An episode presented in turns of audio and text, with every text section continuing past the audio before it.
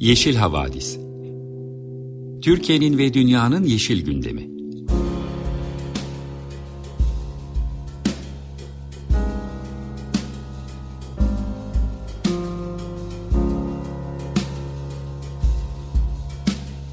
Hazırlayan ve sunanlar Selin Uğurtaş ve Savaş Çömlek.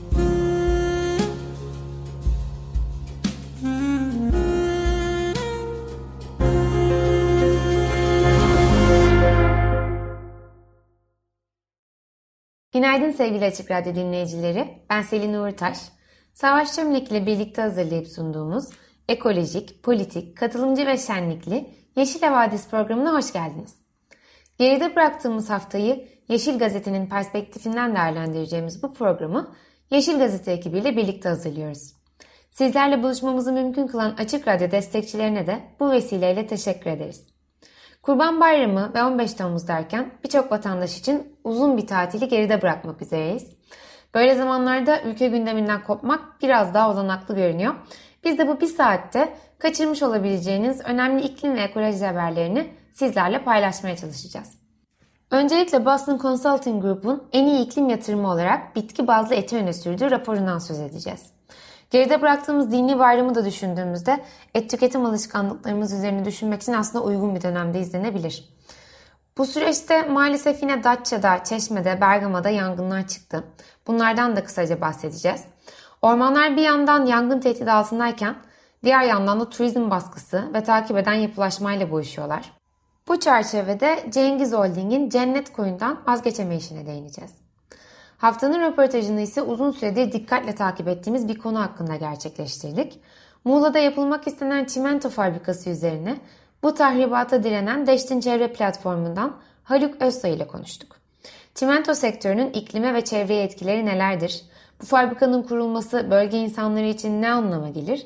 Konuğumuz tane tane anlattı. Lafı daha fazla uzatmayayım. Güzel bir saat bizi bekliyor. Ama öncesinde bu cumartesi sabahına keyifli bir parçayla başlayalım. Doug Watson'dan Summertime dinliyoruz. Tekrar merhaba. 95.0 Açık Radyo'da Yeşil Havadis dinliyorsunuz. Ben Selin. Bu hafta kısık sesimle, düzelmeyen sesimle karşınızdayım maalesef. Ee, özür diliyorum öncelikle. Programımıza iklim haberleriyle başlayacağız. Bunun tartışmalı bir konu olduğunu farkındayım. Ama hem etik hem de çevresel nedenlerle et tüketimimizi sorgulamaya başladığımdan beri Kurban Bayramı benim için oldukça zorlayıcı geçiyor. Bunu itiraf etmem gerekiyor. Bu nedenle de bu hafta biraz bunun üzerine konuşmak istiyordum ki Yeşil Gazete'nin yer verdiği önemli bir raporu gördüm. Boston Consulting Group geçtiğimiz yıl bitki bazlı et alternatifleri üzerine bir araştırma yayınlamış. Bu sene de bu araştırmanın sonuçlarının doğru yolda e, gittiğine, bulgularının doğru çıkacağına dair e, bir izlenim edindiklerine dair takip e, metni yayınlamışlar. Bunun üzerine Yeşil, e, Yeşil Gazete'de bunu haberleştirmiş. Bu rapora göre dünyanın her yanından insanlar alternatif proteinleri denemek istiyorlar ve bu seçeneklere erişebilmekten memnuniyet duyuyorlar. Boston Consulting Group'un modellemelerine göre 2035 yılında alternatif proteinler toplam protein tüketiminin %11'ini temsil edebilir. Ve hatta bazı olumlu gelişmeler gözlenirse bu oran %22 kadar yüksek dahi olabilir. Yeşil Gazete'nin öne çıkardığı tespit, bitki bazlı etin açık ara en iyi iklim yatırımı oluşu. Bunu da şöyle hesaplamış Boston Consulting Group. Diyor ki bitki bazlı et sektörüne yapılan finansman dolar başına sera gazı azaltım etkisine bakacak olursak oldukça e, yüksek bir etkiye sahip. Yani alternatif proteinleri teşvik etmenin karbon salımına etkisi, ulaşım veya inşaat gibi başka yüksek emisyonlu sektörlere yapılan karbonsuzlaşma yatırımlarından çok daha iyi sonuç veriyor. Bu sektörlere yapılacak desteğin, örneğin inşaat sektöründeki karbonsuzlaşmaya yapılacak yatırımlardan 3 kat, otomotiv sektörüne kıyasla ise 11 kat daha etkili olduğu hesaplanmış. Biraz önce bahsettiğim senaryoya dönecek olursak, yani 2035 yılında tükettiğimiz proteinlerin %11'i gerçekten bitki bazlı olursa, havacılık sektörünün %95'inin karbonsuzlaşmasına eşdeğer bir sera gazı azaltımına erişmiş olacağız. Yeri gelmişken hayvancılığın sera gazı emisyonlarına ve dolayısıyla iklim krizine nasıl bir etkisi olduğunu da netlikle ifade edelim. Bunda fayda olduğunu düşünüyorum. Küresel sera gazı emisyonlarının %26'sı gıda kaynaklı. Bunun büyük bir kısmını ise hayvancılık oluşturuyor. Yani toplam küresel sera gazı emisyonlarının %15'i hayvancılıktan kaynaklanıyor. Bu ulaşım sektöründen kaynaklanan emisyonlarla benzer bir seviye diyebiliriz. Ancak düşünmemiz gereken tek şey iklim krizi de değil. Çünkü iklim krizine eş zamanlı olarak bir kriz daha yaşıyoruz bildiğiniz üzere. Bu da biyoçeşitlilik krizi. Ve biyoçeşitlilik krizi de aslında et tüketimimizle yakından ilişkili. Küresel olarak ormansızlaşmanın en önemli sebebi hayvancılık. Örneğin Amazonlar yakılıyor ki e, burada ormanlar yok olsun ve yenine açılan e, boş alanlarda büyükbaş hayvan çiftlikleri kurulabilir, kurulabilsin. Veya işte bu ormanlar yakılıyor, e, açılan alan tarım arazisine dönüştürülüyor. Ekilen üründe soya gibi hayvancılıkta yem olarak kullanılan, kullanılan ürünler oluyor. Dolayısıyla et tüketimimizi etik olarak sorunlu bulmuyor olabilirsiniz. Ee, yani hayvanlara yaşattığımız şeyler üzerine düşünmek istemiyor olabilirsiniz. Ancak iklim ve çevre etkileri nedeniyle e, tüketimimizin etkilerini açık fikirlilikle gözden geçirmemiz aslında gerçek bir gereklilik. Boston Consulting Group'un araştırmasına katılanların %30'dan fazlası da aslında böyle diyor. Alternatif proteinlere geçmek için birincil motivasyonlarının olumlu iklim etkisi olduğunu ifade etmişler. Katılımcıların daha büyük bir kısmının, çok daha büyük bir kısmının %70'inin birincil motivasyonu ise daha sağlıklı bir beslenme olarak ifade edilmiş. Burada bir parantez açmak istiyorum. Dünyada bunlar olurken Türkiye'de vegan peynir yasayıyla karşı karşıya olduğumuzu hatırlatmakta fayda var. Bu konuyu Türkiye Vegan Derneği mahkemeye taşıdı. Avrupa'da ve Türkiye'de bitki bazlı ürünlerin süt ürünleri isimleriyle anılması yasak. Örneğin vegan parmesan peyniri diyemiyorsunuz. Çünkü bunun tüketiciyi yanıltıcı gibi bir yaklaşım yerleşmiş durumda. Aslında bu durum dahi başlı başına bir tartışma konusu. Ee, vegan dernekleri örneğin bunların e, hayvancılık lobisinin girişimlerinin bir sonucu olduğunu ifade ediyorlar.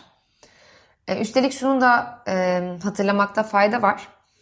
E, bu durumun aslında problematik olma sebeplerinden biri iklim ve çevre etkileri nedeniyle aslında bitkisel alternatiflere geçişi teşvik ediyor olmamız lazım.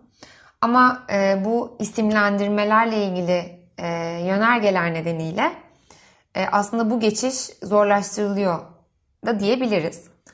Bu tabloya rağmen Ankara 2020 yılında eşi görülmemiş ek bir adım atıyor. Ve diyor ki bir ürünün isminde peynir geçmesi önemli değil, zaten geçmemesi gerekiyor. Ancak eğer üretiminizde süt kullanmıyorsanız peynire benzeyen bir ürün dahi üretemezsiniz. Bu, bu kararın uygulanmaya başladığını ilk defa bu sene görmeye başladık. Vegan peynir üreten şirketlerin ürünleri toplatılmaya, gerekli lisanslarla e, faaliyet gösteren şirketlere cezalar kesilmeye başlandı. Bunun üzerine şirketler de e, şikayetlerini Vegan Derneği'ne iletmiş. Vegan Derneği de e, başka yollardan çözüme ulaşamayınca konuyu yargıya taşıdı. Biz bu önemli meseleyi takip etmeye devam edeceğiz diyerek bu parantezi şimdilik kapatıyorum. Ama dünyanın gidişatı ve Türkiye'nin aksi yönde gidişatını hep aklımızın bir kenarında düşünmek, e, tutmakta fayda olduğunu düşünüyorum. O nedenle yeri gelmişken bu olayı da tekrar hatırlatmak istedim. E, bültenimizin ikinci kısmında e, yangınlardan kısaca bahsedeceğim. Bu bitmeyen çilemiz diyebiliriz. Ay başında Marmaris Bördübet'te canımızı çok yakan bir yangın olmuştu. Bu defa da Datça'da 300 hektar orman ve 400 hektar tarım arazisi yandı. Söylenebilecek tek nispeten olumlu şey geçen seneden farklı olarak hiç değilse müdahalede elimiz kolumuz bağlı kalmadı diyebiliriz. Yangına 2170 personel ve 136 gönüllü müdahale etti. Çalışmalarda bir insansız hava aracı, 12 uçak, 29 helikopter dahil 576 araç kullanıldı. Yangının bir elektrik trafosundan çıktığı düşünülüyor. Bilanço ise şöyle. Yangından 22 kişi etkilendi. Bu 22 kişinin 13'ü taburcu edildi. 10 ev zarar gördü. 83 hayvan yangın bölgesinden kurtarıldı. Bazılarının tedavileri devam ediyor. 2400 kişi ise tahliye edildi. Datça'daki yangınla hemen hemen aynı dönemde İzmir Çeşme'de de bir yangın çıktı. Urla ile Alaçatı arasında Ovacık'ta makilik alanda çıktı bu yangın. Sebebi olarak da bölgedeki bir çiftlikte kaynak yapılırken e, bir kıvılcımın ortaya çıkmasıyla yaşandığı düşünülüyor. Bu nedenle e, çiftlikte çalışan 7 işçi gözaltına alındı. Yangın sırasında tedbir amaçlı olarak İzmir, İzmir Çeşme Otoyolu da e, araçlara kapatıldı. Bu yangın birçok siteye yakın bir yerde gerçekleşti. Bu anlamda oldukça tehlikeliydi. Buradaki vatandaşlar da tahliye edildiler. E, bu yangınlarda neyse ki can kaybı yok gibi ifadeler kullanabiliyoruz bazen. E, ama bunun da aslında doğru olmadığını bir kez daha belirtmek istiyorum. Bu yangınlarda maalesef binlerce hayvan yanarak yaşamlarını yitirdiler. Bunu da kısaca bir e, hatırlatma notu olarak belirtmek istedim. E, bu ilk bültenimizden şimdilik bu kadar. Sırada güzel bir parça var. Eric Clapton ve B.B. King'den Three O'Clock Blues'u dinliyoruz. Sevgili dinleyiciler, Açık Radyo Yeşil Havadis programını dinliyorsunuz. Ekoloji Bülteni'nde ilk haberimiz yağmur hasadı ile suyun ilk kaynağına dönüş. Durma, göğe bakalım ismiyle hazırlanmış. Haber Yeşil Gazete'nin özel haberi tabii ki video haber Eylül Deniz Yaşar tarafından hazırlanmış. İklim değişikliğiyle beraber kuraklığın giderek daha fazla hissedildiği dünya ve Türkiye'de kullanılabilir su miktarının giderek azaldığını biliyoruz.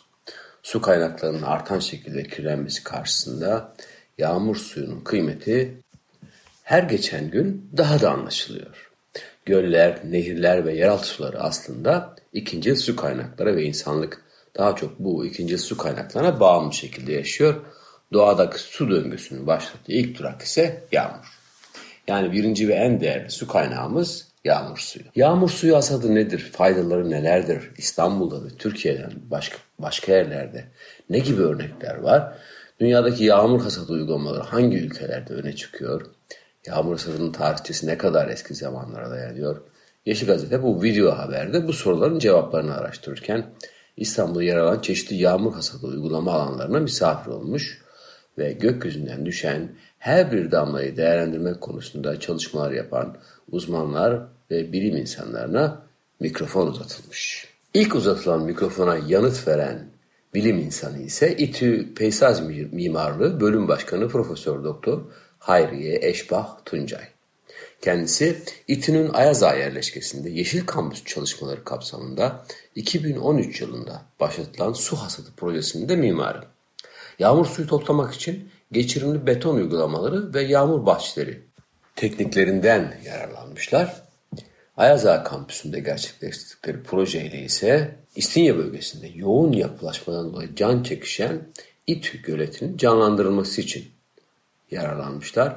Yağmur hasadı tekniğinin İstanbul'da başka pek çok noktasında, meydanlarda, parklarda hayata geçirebilecek bir uygulama olduğunu, İTÜ'nün de bunun için örnek bir uygulamayı hayata geçirdiğini anlatmış Profesör Doktor Tuncay. Profesör Doktor Hayriye Eşbah Tuncay, yağmur suyu hasadıyla canlandırılan İti Göleti'nin şu an pek çok kuş tür ve diğer türlere ev sahipliği yaptığına dikkat çekmiş. Gökdelenlerin ve sert zeminlerin hakim olduğu Maslak gibi bir kentsel çevrede İti Göleti'nin bir vaha mahiyetinde çalıştığını belirtmiş. Diğer bir yağmur suyu toplama projesi de Kadıköy Belediyesi'nde geliştirilmiş. Kadıköy örneğiyle ilgili de Kadıköy Belediyesi Plan ve Proje Müdürü aynı zamanda mimar olan Zerrin Karamukluoğlu'ndan görüş alınmış. Yeşil Gazete'ye yapılan açıklamada yağmur suyunun çatı ve yüzey suları olarak toplandığında, tanklarda biriktirildiğinde pompa sistemiyle dairelere, evlere, okullara, iş yerlerine kullanılabilir hale getirilmek üzere aktarılabileceğini, bununla ilgili bir plan notu geliştirdiklerini anlatmış Zerrin Karamukluoğlu. Hazırladıkları plan anlaşıldığı kadarıyla Çevre ve Şehircilik ve İklim Değişikliği Bakanlığı'nın düzenlediği yağmur sularının toplanıp geri kullanılması yönelik planlı alanlar imar yönetmeliğinde değişiklik yapılmasına dair yönetmeliğe dayanan bir hazırlık bu. Gene haberden öğrenebildiğimiz kadarıyla plan notu hayata geçtikten sonra Kadıköy ilke sınırları içerisinde 400 metrekare ve üzerinde taban alanı olan parsellerde yağmur suyunun depolama tanklarında biriktirilmesinin zorunlu olacağı anlaşılıyor. Kadıköy Belediyesi'nce yağmur hasatı ile ilgili yaklaşık 5 senedir sürdürülen çalışmaları da Kadıköy Belediyesi Çevre Yönetimi ve İklim Değişikliği Müdürü Aynur Şule Sumer anlatmış. Kentimizdeki yeraltı sularının korunması ve daha sağlıklı kullanılması için 3 ana başlıkta proje geliştirdiklerini bildirmiş. Bir tarımsal sulama, ikincisi toplanan yağmur suyunun sifonlara basılması, üçüncüsü ise sokak yıkama araçlarımıza yağmur suyu toplama sisteminin entegrasyonu diye özetlemiş. Ülkemizin çok yüksek su riski taşıdığını ve bu şekilde devam eden su sıkıntısı yaşamasının kesin olduğunu ifade eden WWF Türkiye Doğa Koruma Sorumlusu Ayşe Doğrubak da yağmur hasadının önemine ve Anadolu'da yaptıkları projeler ilişkin örneklerden söz etmiş. Yine haberde dünyada en çok Çin'de olmak üzere yağmur suyu hasadına ilişkin projelerden, e, uygulamalardan bahsedilmiş, tarihsel örneklerden söz edilmiş, sarnıçlardan ve çatılardaki yağmur suların toplanması anlatılmış. Yağmur suyu hasadı kuşkusuz çok eski yıllardan beri uygulanan bir teknik. İstanbul'da da bu tekniğin yüzyıllardır uygulandığını biliyoruz. Eski İstanbul evlerinin çoğunda sarnıçlar bulunur. Benim de son iki yıldır oturduğum evde bir sarnıç olması gerekliliği üzerine yaptığımız kısa araştırmanın ardından sarnıcı keşfettik. Kapağını açtık. Sarnıcın işe yarar durumda olduğunu fark ettik. Su miktarının bir miktar yetersiz olduğunu gözlemledik. Yağmur suyunu sarnıca aktarma projesini geliştirdik kendimizce. Çok kolaylıkla iki boru eklemekle çok neredeyse sıfır maliyetle yağmur suyunu sarnıca aktarmayı başardık. Yaklaşık iki yıldır küçük bahçemizi sarnıç suyuyla e, sulamak mümkün oldu. Bu vesileyle ben de deneyimimizi anlatmış oldum size. Bu işler aslında o kadar da korkulacak komplike işler değil. Önemli olan karar almak ve bunun gereğini yerine getirmek. Yeşil Havadis'in ekoloji bülteninde ikinci haberimiz kıyı yağması ile ilgili. Cengiz Holding cennet koyundan vazgeçmiyor. Otel ve villa projesi için anlaştı başlığıyla verilmiş. Cengiz İnşaat'ın daha önce de girişimlerde bulunduğu Bodrum Cennet Koyu'nda otel ve villa inşa etmek için dünyaca ünlü lüks marka Bulgari ile anlaştığı iddia edilmiş. Cengiz Holding bünyesindeki şirket kamu arazisini 2012 yılında satın almış. Danıştay arazinin özelleştirme kararını iki kez iptal etmiş. Cengiz İnşaat Muğla'nın Bodrum ilçesi Cennet Koyu'ndaki 678 bin metrekarelik araziye villa ve otel inşa etmeye başlıyormuş. Anlaşıldığı kadarıyla Mehmet Cengiz ile o zamanki ortak Fettah Tamimce'nin şirketi Bodrum 1 Turizm Yatırım AŞ projenin yapılacağı araziyi özelleştirme idaresinden 2012 yılında satın almış.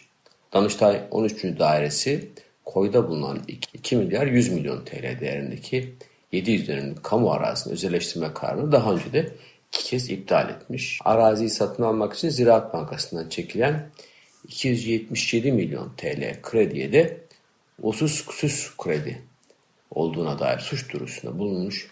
Fakat bu duyuru takipsizlikle sonuçlanmış. Geçen yıl Haziran ayında Tamimce'nin ayrılmasıyla şirket Eylül 2021'de Cengiz İnşaat'la birleşmiş. Cennet Koyu 3. derecede arkeolojik sit alanı ve koruma alanı içerisinde bulunuyormuş. Bölge Akdeniz foku, çizgili yunus ve deniz kaplumbağalarında yaşam alanı. Şirket Ocak 2021 yılında Cennet Koyu'ndaki 4 adet mendirek yapısıyla 2 adet plaj yapmak için chat başvurusunda bulunmuş. Çevre aktivistleri inşaatın yapılmaması için imza kampanyası başlatmışlar. Destek bekliyoruz. Güçler ayrılığının ortadan kalktığı, hukuk ve adalet sisteminin darmadağınık olduğu ülkemizde ne yazık ki yasalarla korunması gereken sit alanlarının dahi korunamadığını görüyoruz. Direnmekten, mücadele etmekten başka ne yazık ki bir yöntemimiz bulunmuyor. Kıyı yağması ile ilgili bu haberin ardından ekoloji bülteninin sonuna gelmiş bulunuyoruz sevgili dinleyiciler. Hayat devam ediyor diyelim. Nina Simone dinleyelim. Feeling Good. Merhaba. 95.0 Açık Radyo'da Yeşil Vadisi dinliyorsunuz. Ben Selin. İklim ve ekoloji haberlerini siz dinleyicilerimizle paylaştık. Güzel parçalar dinledik. Şimdi haftanın röportajıyla devam ediyoruz. Bugün uzun zamandır daha detaylıca konuşmak istediğimiz bir meseleyi masaya yatıracağız. Muğla'nın Deşti Mahallesi'nde yapılmak istenen bir çimento fabrikasından bahsedeceğiz. Sözü misafirimize vermeden önce çimento üretiminin çevresel etkilerine kısaca değinmek istiyorum. Çimento üretimi enerji tüketimi yüksek, karbon yoğun bir süreç. Küresel karbon emisyonlarının en az %5'inin çimento kaynaklı olduğu hesaplanıyor ama aslında %8 gibi daha yüksek e, rakamlara da raporlarda rastladım. İklim etkisine ilaveten ciddi anlamda da kirletici bir sektör. Sülfür dioksit, nitrojen oksit, karbon monoksit gibi hem çevreye hem de insan sağlığında olumsuz etkileri bilinen e, çeşitli gazların atmosfere salınmasına neden oluyor. Ancak maalesef Türkiye'de bu kirletici sektörüne açık. Şu anda ülkemiz Avrupa'nın en büyük çimento üreticisi konumunda. 2020 yılında 30 milyon tonluk çimento ihraç edilmiş. Böyle bir arka planda Muğla Çimento 7700 dönümlük bir araziye çimento fabrikası inşa etmek istiyor. Üstelik zaten yatağın termik santrali nedeniyle hem sağlık hem de tarım açısından çok çekmiş bir bölgede bunu planlıyor. Bölge halkı ise bu inşaata karşı aylardır canla başla mücadele ediyor. Şimdi de sizlerle e, sizlere bu mücadelelerinden bahsetmek üzere bizimle birlikteler. Zoom'da karşımda De Deştin Çevre Platformu'ndan Haluk Özsoy var. Haluk Bey hoş geldiniz. Hoş bulduk. Merhaba Selin Hanım. Ee, ben... İyi yayınlar diliyorum. Nasılsınız? Çok teşekkür ederim. Gayet iyiyim. Ee, nihayet sizinle bu konuşmayı yapabildiğim için ayrıca mutluyum. Çok teşekkür ederim zaman ayırdığınız için. Çünkü yoğun olduğunuzu biliyorum ve takip ediyorum. Sağ olun tekrar. Rica ederim, rica ederim. Biz teşekkür ederiz. Yani ilgi gösterdiğiniz için gerçekten sesimizi duyurmak aslında bizim derdimiz. Dolayısıyla yani e, yoğunluğumuz sadece böyle olsun, böyle zamanlarda şey olsun. Çok güzel, teşekkür ederiz. Ben teşekkür ederim tekrar. Öncelikle e, bu projenin geçmişinden birazcık bahsetmek istiyorum. Dinleyenlerimiz için kısaca e, bize anlatabilir misiniz? Bu proje ne zaman ortaya çıktı, ne zaman ortaya atıldı? Ee, şimdi bu proje 30 yılına yaklaştı. Yani 30. yıldayız şu anda.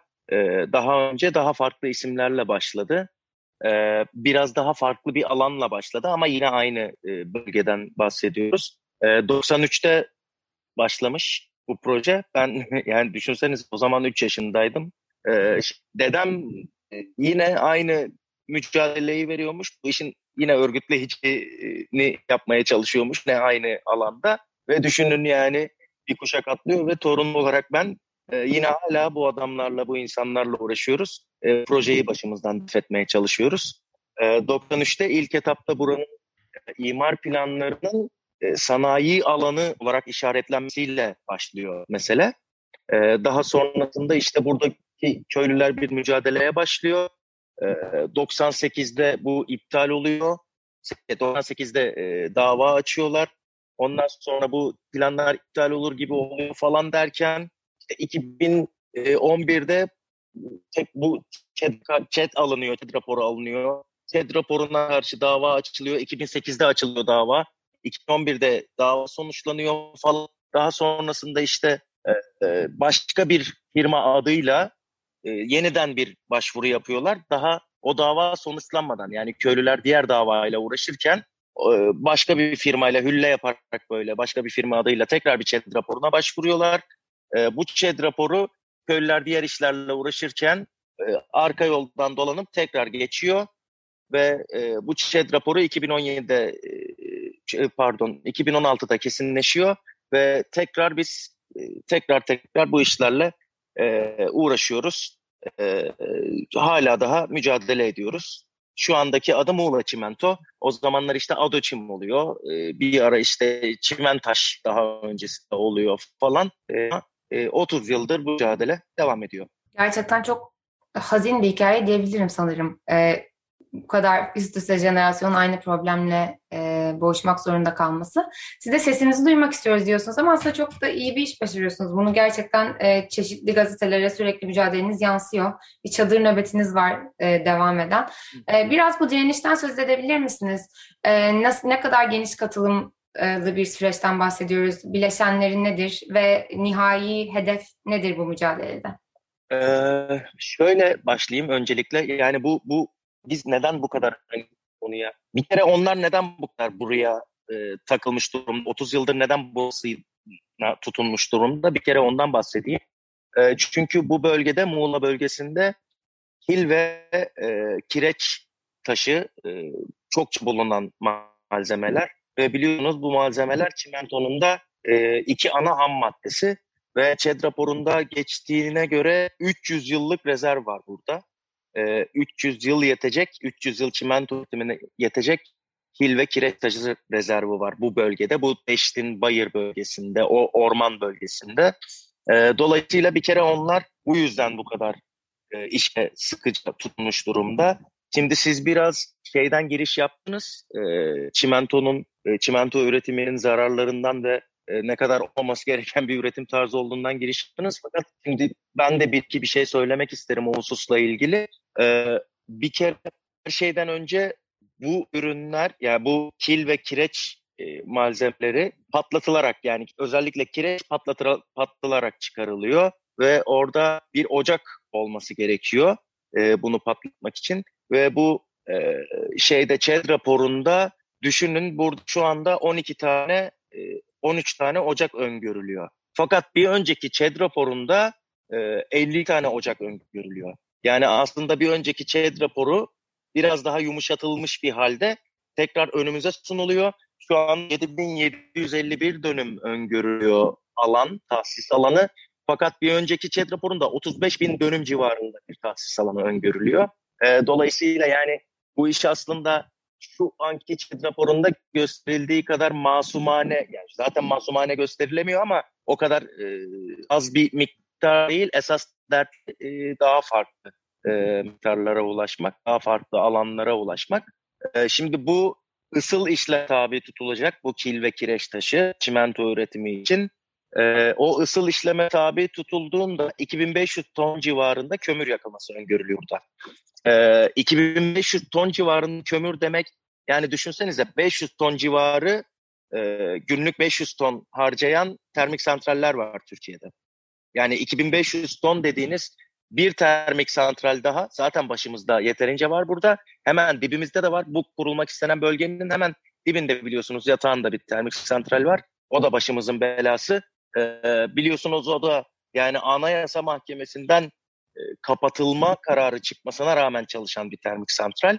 E, dolayısıyla yani hem o termik santral hem bu kireç e, çimento e, fabrikası arasında kalan bölge zaten şu anda mahvolmuş durumda.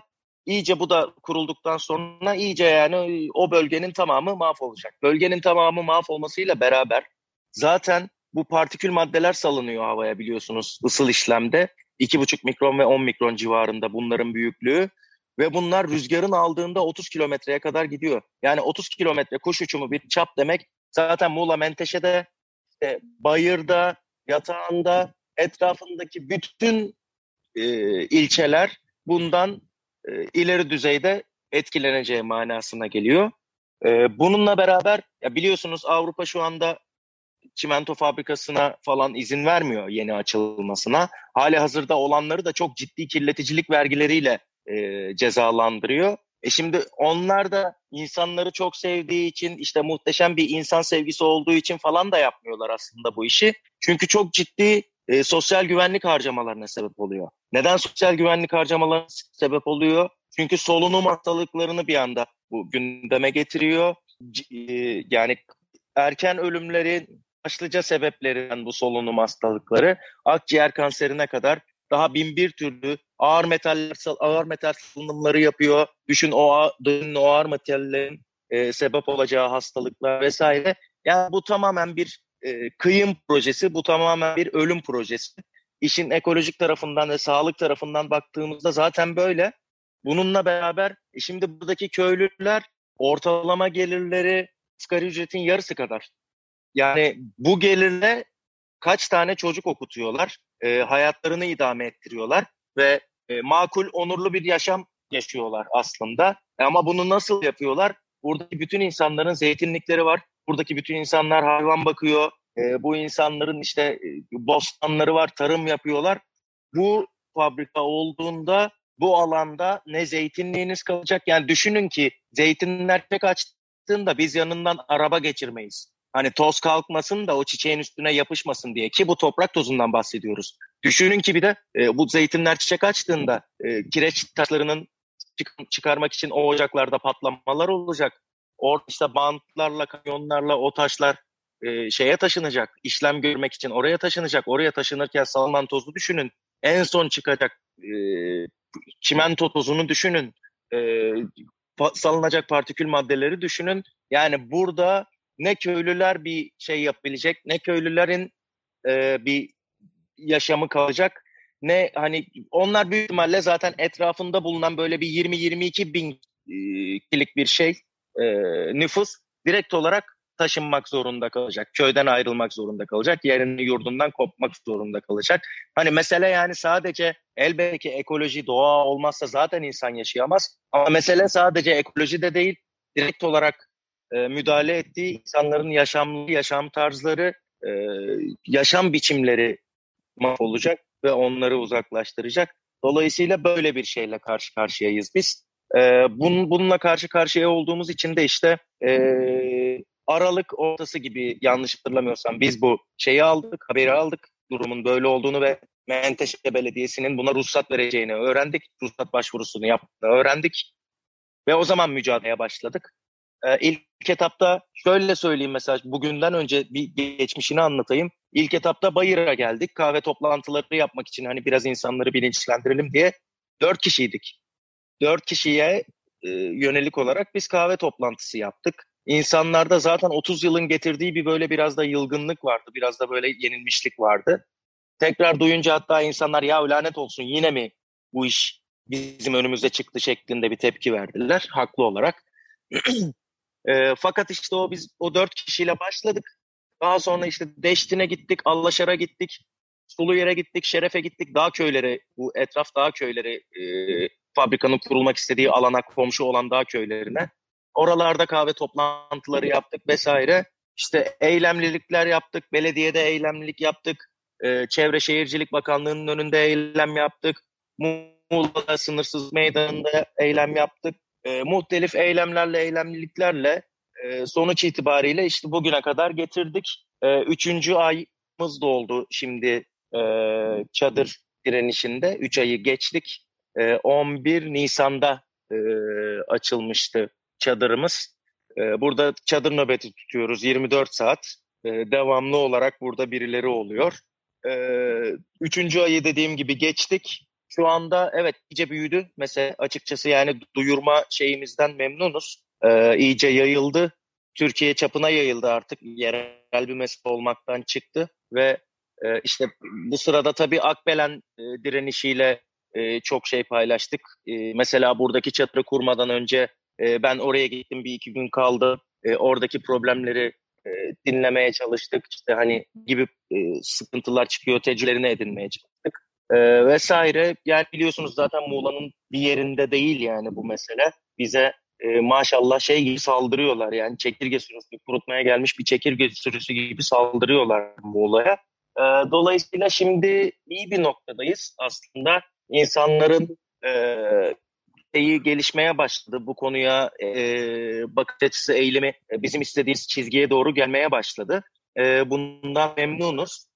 E, daha öncesinde işte dediğim gibi ya işte biraz yenil yenilmişlikle yapılacak gibi falan şeklinde yaklaşan insanlardan artık e, inandılar onlar da bizim kazanacağımıza. Kazan çünkü bir noktayı geçtik artık ve şimdi şu noktadayız. Bildiğim aslında mesela hani çimento fabrikasından yana olduğunu bildiğimiz insanlar bile ondan yanayım diyemiyor.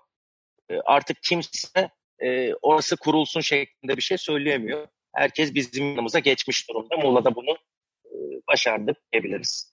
Aslında o bahsettiğiniz güzel adımlardan biri belki de bu yapı ruhsatının iptali, iptal edileceğine dair e, size verilmiş e, sözdü diyebiliriz sanırım.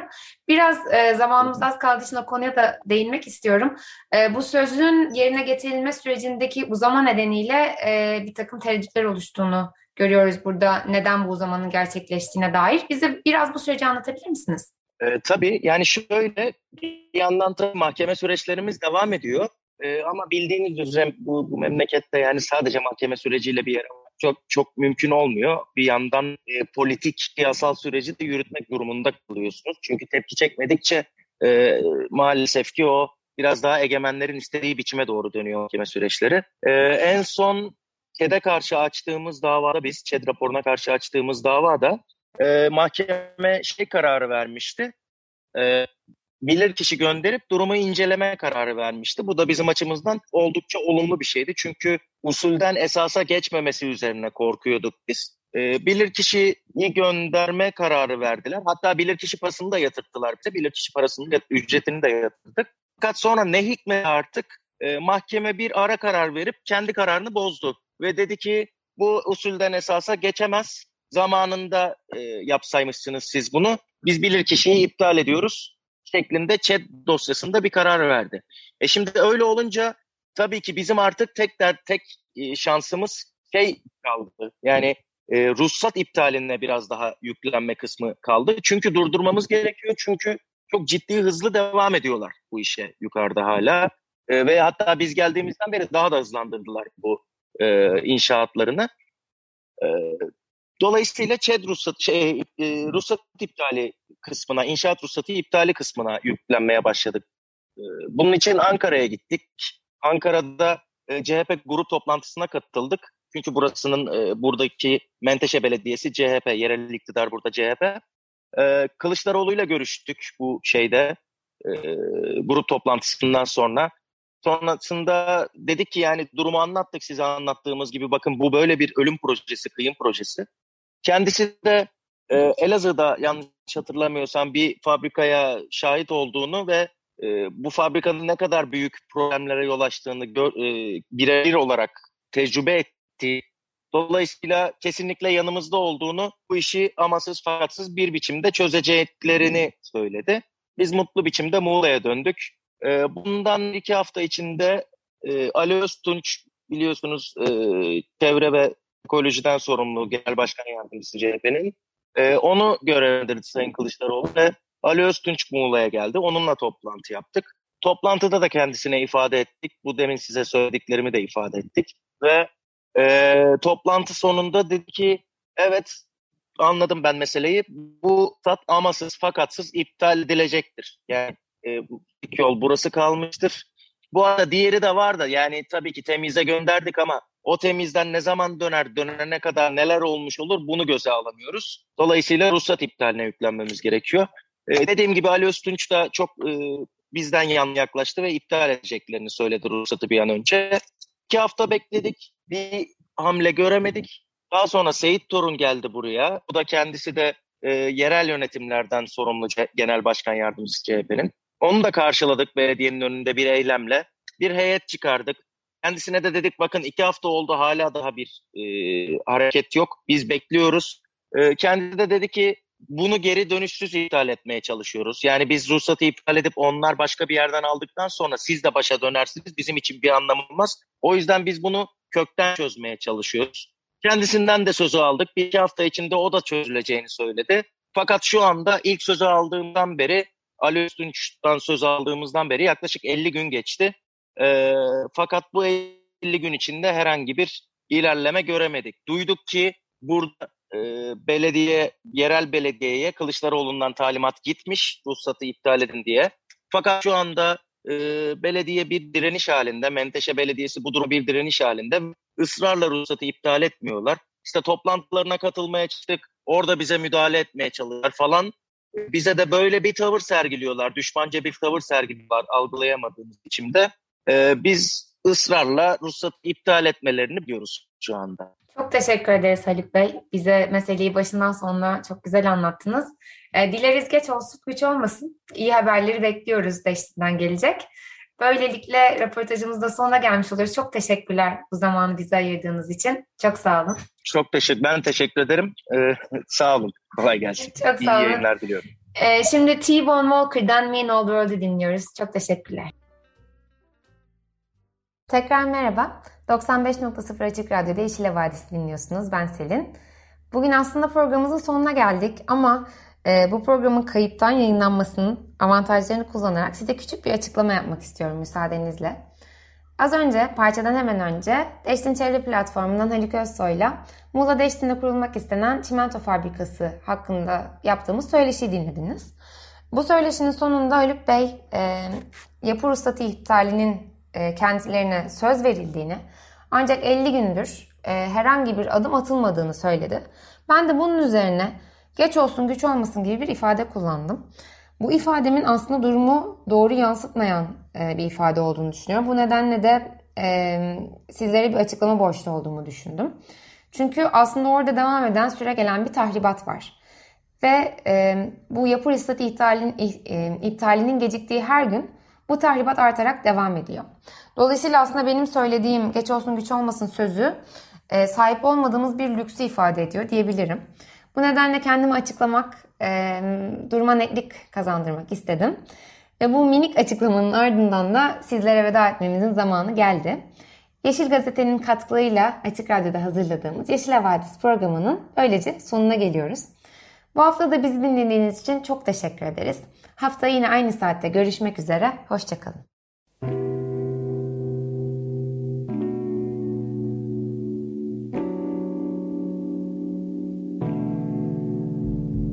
Yeşil Havadis Türkiye'nin ve dünyanın yeşil gündemi.